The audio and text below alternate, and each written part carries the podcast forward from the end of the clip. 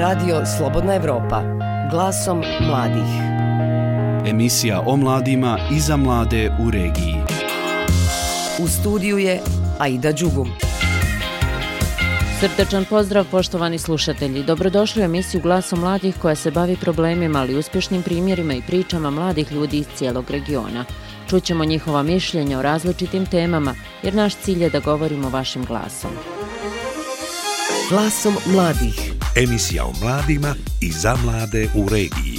Nedjeljom u 18 sati i 30 minuta. Osim glasanja na izborima, mladi u zemljama poput Bosne i Hercegovine, Srbije i Crne Gore imaju veoma malo iskustva u političkom i civilnom angažovanju. Tradicionalni načini poput učešća u političkim strankama za razliku od ustaljenog mišljenja javnosti ipak nije veliko, pokazala je studija o mladima jugoistočne Evrope fondacije Friedrich Ebert. Da li su politička mišljenja i stavovi mladih ostavljeni samo za društvene mreže, te da li se glasanjem na izborima završava politički angažman većine mladih ljudi, pitali smo upravo mlade iz Beograda, Budve i Banja Luke, a njihove odgovore poslušajte u narednim minutama. Glasom mladih. Emisija o mladima i za mlade u regiji. Nedjeljom u 18 sati 30 minuta. Prvo će o tome govoriti mladi budvani, zabilježila Jasna Vukićević. Joj, će me naći sad. Ovo je jedan od karakterističnih odgovora u našoj anketi o tome koliko mladi žele i učestvuju u promjenama svoje zajednice. Nedostatak interesovanja za politiku među mladima je zabrinjavajuće veliko. Navodi se u rezultatima studija o mladima u Crnoj Gori, koju je objavila njemačka fondacija Friedrich Ebert. Ti rezultati su pokazali da preko 60% mladih nisu zainteresovani za politiku ni na nacionalnom ni regionalnom nivou, dok je procenat nezainteresovanosti za politiku na nivou Evropske unije gotovo 70%. O mladima i tome koliko učestvuju u promjenama govore Ivan, Snežana i Jana iz naše ankete. Ovdje se teško može nešto izmijeniti, znate, možda van. Ovdje malo teže. Pa vjerojatno da nemam ambicije, nemam želje, ne znam. Znači da im je dobro? E, pa nije svima dobro, nije. Ali gledaju neku perspektivu van. Bar tako mislim. Kako mislite, a mi? Recimo, čime ste nezadovoljni pa biste htjeli da to bude bolje? Pa ne znam ne smeta mi ništa ovako trenutno za sad. Imaju li potrebu mladi da mijenjaju nešto u društvu? Imaju, ali ne mijenjaju. Mislim da smo svi postali lijeni po svakom pitanju. Zanimljivo je da studija o mladima s jedne strane ukazuje na slabu zainteresovanost za političke teme, ali s druge je većina ispitanika glasala na posljednjim parlamentarnim izborima. U grupi mladih između 18 i 29 godina na posljednjim izborima je glasalo preko 60% ispitanika. Kada je riječ o političkoj participaciji, brojke učešću mladih u njenom nekonvencionalnom obliku pokazuju da su to najčešće potpisivanja peticija ili političkih zahtjeva na internetu i volonterske akcije, ali su ti procenti u oba slučaja ispod 20%. Dragan Anđelka i Ivan iz naše ankete govore o tome kako percipiraju načine na koje mladi iskazuju svoje nezadovoljstvo. Da, mlađe generacije više to na internetu rade. Kako promijeniti stvari u realnom životu? Nemam pojma. E, to je možda i problem što izgazuju samo putem interneta, a ne, ne preduzimaju ništa. A mislite li da su onda mladi zadovoljni situacijom ako ne pokušavaju ništa promijeniti? Tako ispada. Kako bi mladi mogli mijenjati stvari? Da li je to samo onda kad izlazite na glasanje? Da li je to jedini način da birate? Pa može, možete... i, može i glasanje da se, da se dođe do toga cilja, ali ovaj, nažalost ovo društvo je sve korupirano i zna se kako se kod nas politički opredeljuju ljudi u oče glasanje i tako dalje tako da A mimo toga postoje li načini da se stvari mijenjaju? Naravno da postoje, da počnu ljudi mladi više da rade, da ne ostaju i dalje mami ni tati ni sinovi. Istraživanje je pokazalo da kao prioritete vlade mladi u čak 90% slučajeva navode smanjenje nezaposlenosti, potom bolji ekonomski rast te borbu protiv korupcije. Za radio Slobodna Evropa iz Budve, Jasna Vukićević. Studenti Univerziteta u Beogradu sa kojima je razgovarala naša Svetlana Božić-Karinčanić uglavnom izbore vide kao najviši domet svog političkog angažovanja. Razlog je između ostalog utisak da ih odrasli svijeta politike ne shvataju ozbiljno, ali i prezasićenost istim ljudima na političkoj sceni. Većina ljudi neće da se angažuje, ne zanima ih to. Jednostavno gledaju svoj posao i pokušavaju da se izbore na svoj način, a ne kao celina. Ovako studentkinje Valentina Ratković objašnjava razloge zbog kojih ona, ali i njeni prijatelji, nemaju ambicije prema aktivnijem učešću u političkom životu Srbije. Dosta, dosta mladih uopšte to ne shvata ozbiljno i većina uopšte ne izlazi na izbore, bar u okruženju mom znam dosta njih i ne prati, ne zanima ih i baš su, smatruju da ništa ne mogu da postignu svojim glasom. Studentkinja prve godine Filozofskog fakulteta Milica Nikolić smatra da su izbori najviši domet političkog angažovanja mladih u Srbiji. Još smo mi mladi, niko nas ne shvata ozbiljno i kada kažemo nešto ili pričamo o nečemu u svom viđenju cele te stvari, misle da je to zapravo kao neka šala, da je to nešto trenutno, da, da se sprdamo iz nekog nepoznatog razloga, ali zapravo ima takvih primjera naravno, ali postoji oni koji to gledaju ozbiljnije. Student Đorđe Dobrić je jedan od predstavnika mlađe generacije koji na politiku gleda ozbiljnije. I mada priznaje da ne prati redovno događaje na političkoj sceni, stava je da mladi treba da budu i informisani i da u političkim procesima učestvuju. Mislim da svaka osoba koja napuni oko 18-19 godina treba da ima nekakvo političko opredeljenje, da što se žal zalaži da bude politički svesna, jer ako tako bude nastavila tokom celog života da slanja to sa strane i da ga prosto ostavlja, što se kaže, za crne dane, to neće ništa, ni nešto ispasti, jer će onda svako imati, šta, ništavilo. I onda se ništa neće moći stvoriti iz toga, tako da smatram da bi to bilo nešto mandantno za današnje mlade. Društvene mreže postale su neizostavno sredstvo političkog izražavanja. Danas ih praktično u cilju zvaničnog obraćanja redovno koriste državnici i političari. Mladi takođe. Međutim, sagovornice Radija Slobodna Evropa Valentina Ratković i Milica Nikolić ne shvataju ozbiljno takav način političkog angažovanja – bar kada je reč o Srbiji. Pro meni to sve izgleda kao jedna šarada. Niko od njih nije baš ozbiljan da bi mogo neko da ih shvati ozbiljno i sve je neozbiljno u ovoj državi previše. Sad, da li to stvarno ljudi shvataju ozbiljno? Ja mislim da ne iskreno. Student Đorđe Dobrić smatra da izbori i društvene mreže ne bi trebalo da budu jedini vid angažovanja mladih u svetu politike.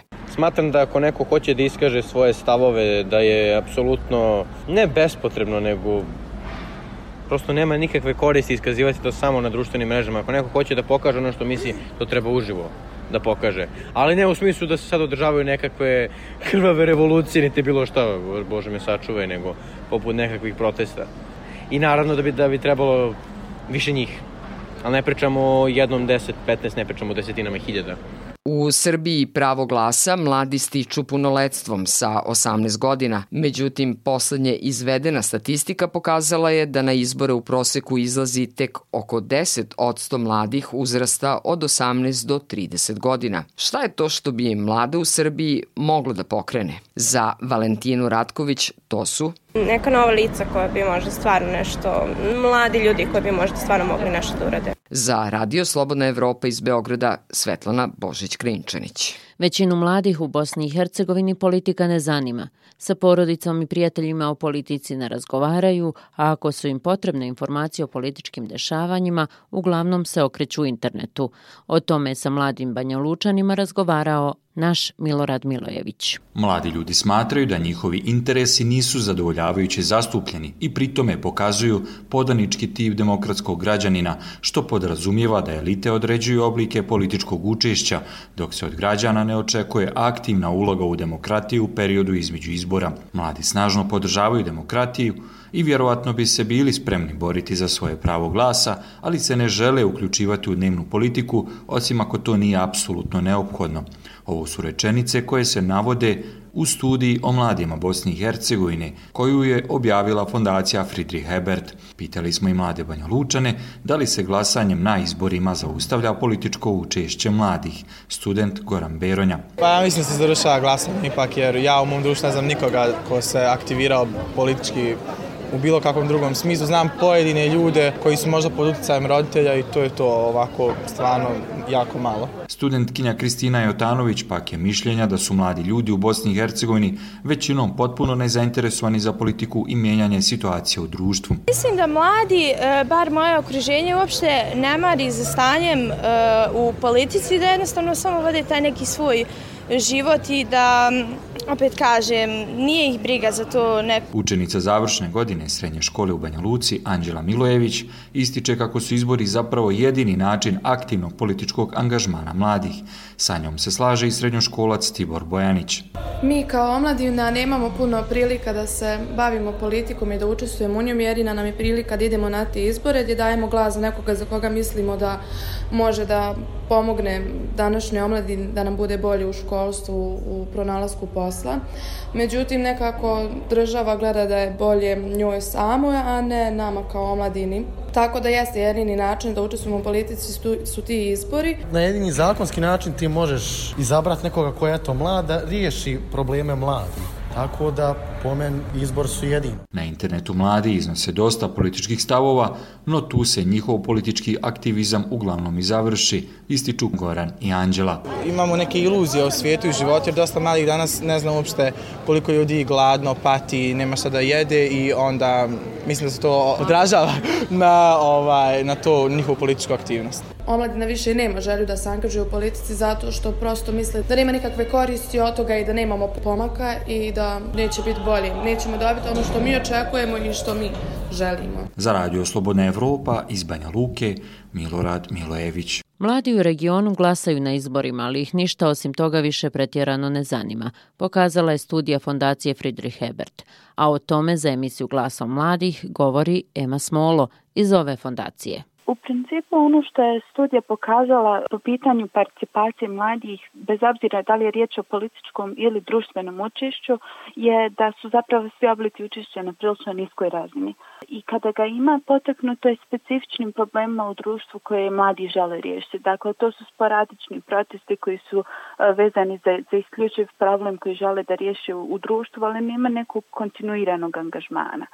E, članstvo u političkim strankama nije često, bez obzira na to što imamo tu neku percepciju da mladi jesu prisutni politički, a želja da preuzmu političke funkcije još je i manja. Dakle, i kada su članovi političkih stranaka ne želi nužno da preuzmu neku od rukovodećih pozicija. Imate li možda podatke koliko izlaze na izbore? Što se tiče izlaznosti na izbore, kroz četav region jugoistočne Europe, izlaznost na izbore mladih je prilično velika. Najniža stopa izlaznosti je 55% u Sloveniji, čak 74% mladih u Bosni i Hercegovini je glasalo na prethodnim izborima. U odnosu recimo na 63 u Srbiji, što je opet prilično visok procen procenat. Crnoj Gori je stanje negdje približno Srbiji, dakle riječ je o nešto nižoj stopi nego u Bosni i Hercegovini. Da li osim društvenih mreža oni na neki drugi način izražavaju svoje mišljenja, stavove i ostalo? I da li bi se angažovali da se bore za nešto što je njima stalo? Nažalost, istina da se većinski politički angažman upravo završava na glasanju. Zašto? Recimo, primjer radi.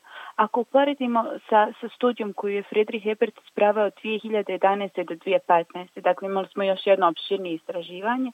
Tada se uh, mladi izjašnjavali da je njihovo interesovanje za nacionalnu politiku 24%. Danas, kada smo završili sa studijom 2018. i 2019. taj procent zanimanja za nacionalnu politiku porasao je na 58%. Bez obzira na to, imamo 74% mladih koji tvrde da su glasali na izborima. Dakle, imamo tu neku razliku od čak ni 20% mladih koji bi glasali na izborima i koji bi možda pokazivali veće interesovanje za nacionalnu politiku. Dakle, to, to nekako može biti indikator da glasaju, ali otprilike ništa osim glasanja ni ih pretjerano ne zanima. Za Radio Slobodna Evropa govorila je Ema Smolo iz fondacije Friedrich Hebert. Glasom mladih. Subotom u 15 sati, nedeljom u 18.30. Na području Dobojske regije gotovo da nema poslodavaca koji su zainteresovani da srednjoškolcima plaćaju praksu svojim firmama. Plaćena učenička praksa uvedena je od ove školske godine i nadležni kažu da predstavlja korak ka dualnom obrazovanju. Međutim, mladima ne ide u prilog činjenica što privreda nije razvijena. Arnes Grbešić. Oko 80 srednjoškolaca u Tesliću krenulo je na plaćenu praksu koju obavljaju u zdravstveno-turističkom centru Banja Vrućica. Među njima su učenici drugog razreda srednje ugostiteljske škole Maja Radišić i Marko Popović. Za sad samo jednom sedmično imamo praksu. Sljedećem godinama imamo po dva ili tri puta. I ako samo posmatrate, jako se dosta može naučiti. Super je na praksi. Zanimanje sam kulinarski tehničar mnogo će značiti i drugim, za, i drugim djacima i meni. Plaćena praksa je predviđena projektom unapređenje praktične nastave u srednjem stručnom obrazovanju. Prema navodima iz Resornog ministarstva, poslodavac mora učeniku osigurati sredstva i opremu za ličnu zaštitu na radu, prevoz ukoliko je organizovan za radnike, troškove ishrane te osiguranje za slučaj povrede. Direktor Banje Vrućice, Dragan Bogdanić. Mi smo se opredjeli da su oni tako reći sastavni dio kolektiva zato što će svaki njihov radni sad biti plaćen, nešto će imati e, sanitarne listove i radnu uniformu i ostalo, sve što ima i radnik zaposlen u Banji Vrućici. Srednjoškolci očekuju da zarade i bar dio džeparca. Još jedno Maja Radišić. A meni kao školarcom znači će mnogo, pošto imaću svoj džeparac, roditelji također ne brinu nešto da puno oko toga. Poslodavci u Dobojskoj regiji s druge strane u proteklih nekoliko mjeseci nisu bili pretjerano zainteresovani da plaćaju učenicima vrijeme provedeno na praksi u njihovim firmama. Predsjednik regionalnog aktiva direktora srednjih škola Spasoj Vasiljević kaže da je daleko više učenika srednjih škola na praksi prema propisima kojim nije predviđeno bilo kakvo plaćanje. Koji ne obavezuje poslodavca na neke obaveze tipa plaćanja, osiguranja, prevoza, ishrane, HTZ opreme i tako dalje. Obuhvat učenika kod poslodavaca je poprilično veliki. Evo samo u našoj školi od 550 učenika, skoro 200 učenika imamo potpisane ugovore sa poslodavcima. Uvođenje plaćene učeničke prakse predstavljeno je kao korak ka dualnom obrazovanju, no bez razvoja privrede, odnosno veće ponude radnih mjesta, to neće biti tako jednostavno. Ponovo spasuje Vasiljević. I ne možemo mi da tražimo recimo četiri bravara u Doboju, šest stolara i tako dalje. Znači to, je, to sve rješenja ovaj, koji treba za, za sljedeće tri godine. Hoće, mi moramo imati 10 takvih poslodavaca po dva učenika, to je već 20 ili između 15 i 20, što je već opravdano. A ne, poslodavac želi da upišemo neko zanimanje i onda traži dva učenika na praktičnoj nastavi. U srednjim stručnim školama u Doboju istovremeno učenicima fali više praktične nastave. Andrej je izučio automehaničarski zanat. Slabo smo naučili, zato što ne imamo baš tu praktičnu nastavu. Iz knjiga učimo i pišemo i to je to, odgovaramo samo. Stručna praksa istovremeno ne bi smjela biti posmatrana kao prilika za dobijanje slabo plaćene radne snage nekoliko dana sedmično. Za radio Slobodna Evropa iz Doboja, Arnes Grbešić. S druge strane, u Bratuncu u narednih šest mjeseci 30 polaznika starosti od 18 do 30 godina imaće priliku da uče poslovni engleski jezik i rad na računaru, a sve kako bi mogli naći posao ili pokrenuti vlastiti biznis. Sve se to dešava kroz projekt Bratunačkog udruženja Super U pod nazivom Osnaženi mladi, jaka zajednica. Sadik Salimović donosi više detalja. Prilikom apliciranja za posao mladi često budu odbijeni jer ne ispunjavaju neki od uslova konkursa. Una Zečić, voditelj projekta pod nazivom Osnaženi mladi jaka zajednica, ističe da je nepoznavanje stranog jezika jedna od preprijeka za dobijanje posla. Dostatak znanja stranog jezika, pre svega engleskog koji se danas podrazumeva. I insistirali smo na tom poslovnom engleskom kako bi oni e, samim učenjem jezika se isprobavali u nekim poslovnim situacijama. Ilinka Jovanović iz Bratunca ima 19 godina i pokušat će da se kroz ovaj projekt pripremi za traženje posla. Završila sam srednju medicinsku školu u Srebrenicu.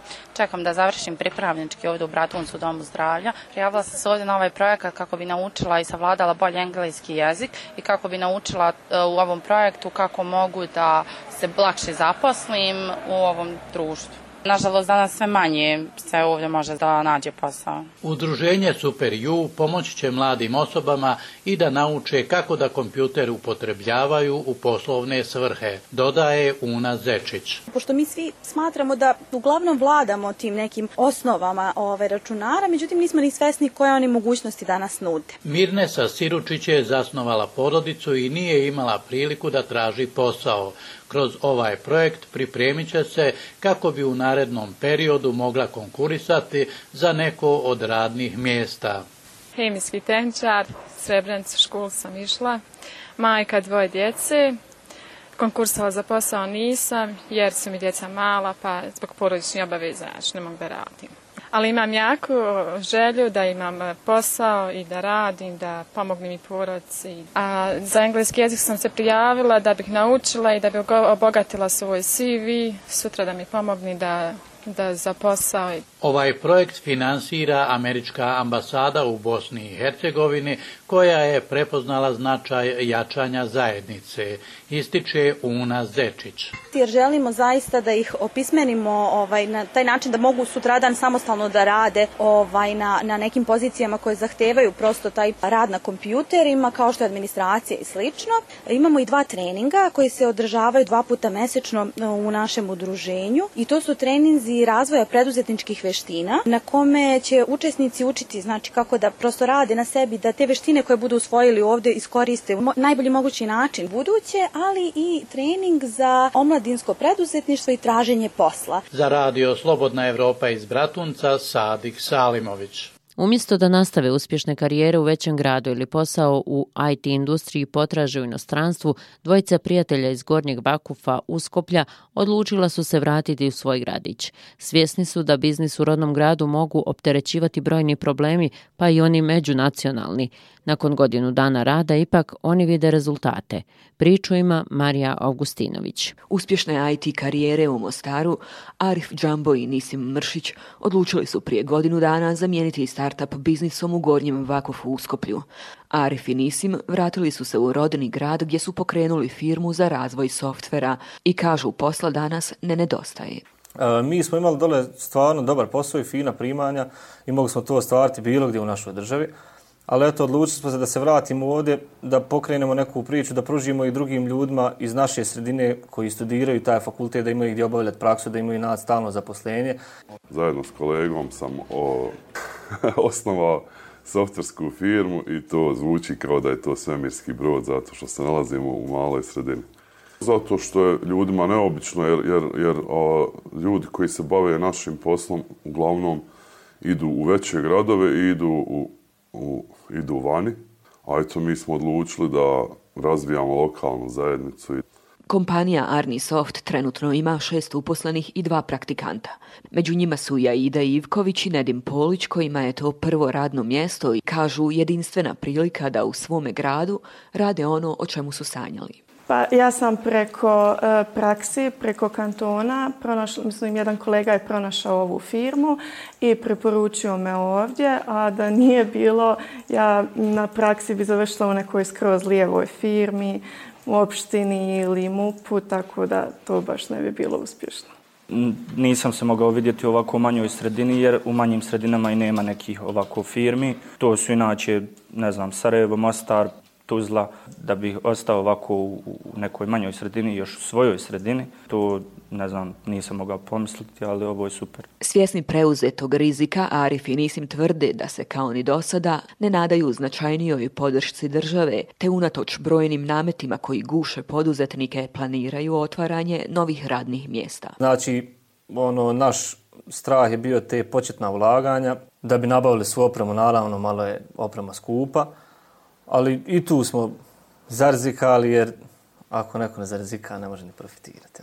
Pa mi se ne oslanjamo previše na, na, na to da će nam država pomoći. Mi smo to započeli bez neke lažne nade da će nam neko pomoći. Mislimo da samo sam sebi možemo pomoći sa svojim radom. Normalno, a ako bi država nešto pomogla, to, to dođe kao bonus neki. U gradu iz koga mladi masovno odlaze i koji nije prepoznatljiv na mapi investitora, Arif i Nisim su zbog svog biznisa postali i medijska senzacija. Iako su imali priliku za uspješne karijere u inostranstvu, povratak je, kažu, bio logičan slijed događaja, a svakodnevni život u gradu obilježenom nacionalnim podjelama je, kažu, mnogo bolji od slike predstavljene u medijima.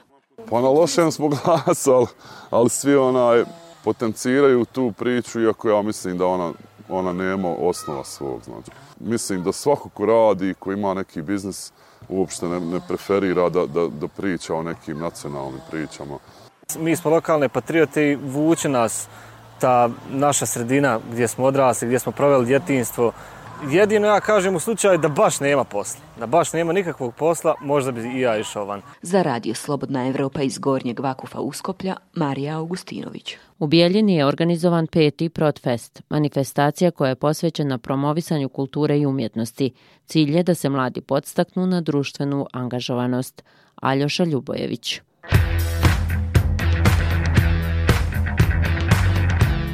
Prije pet godina grupa mladih entuzijasta, glumaca, muzičara, slikara okupila se i osmislila projekat koji se uspješno realizuje i u ovoj godini.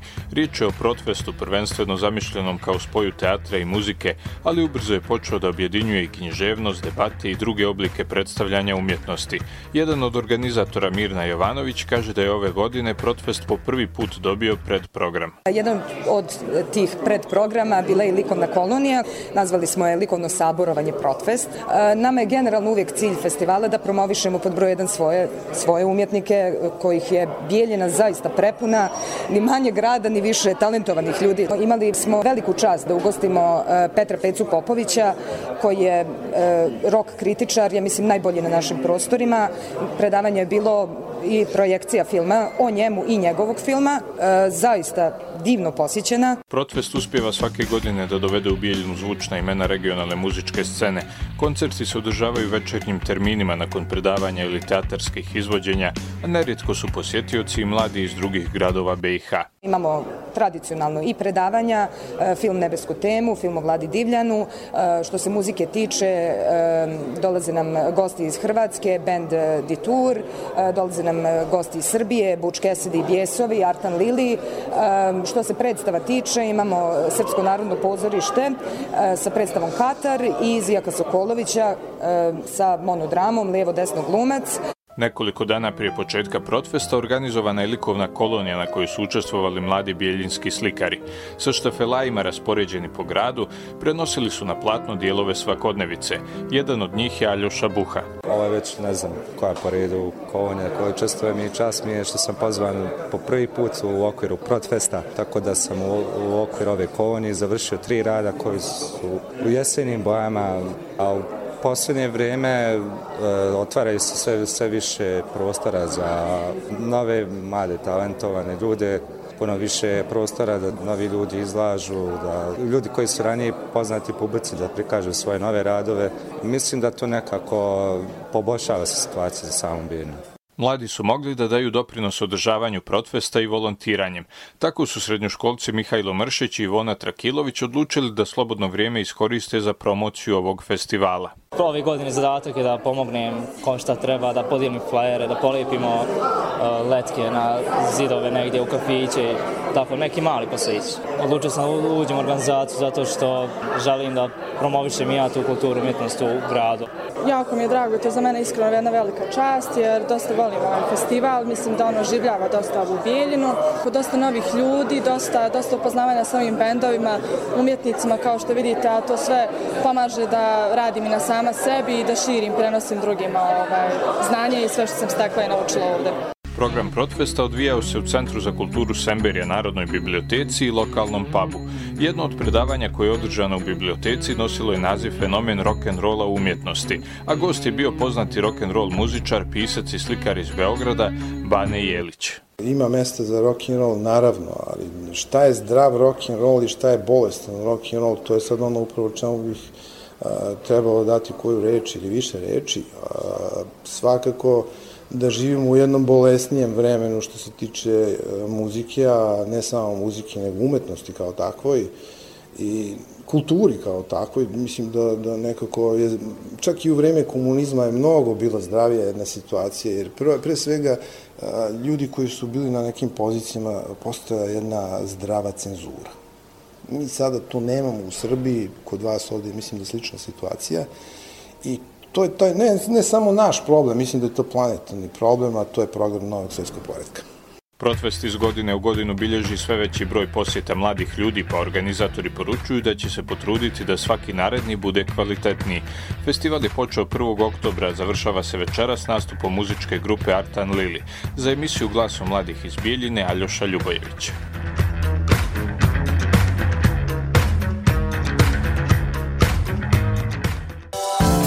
Slušajte nas, gledajte nas, čitajte nas. Sve na jednoj adresi slobodnaevropa.org. Bilo je to sve u ovo sedmičnoj emisiji Glasom mladih. Lijep pozdrav, do ponovog slušanja.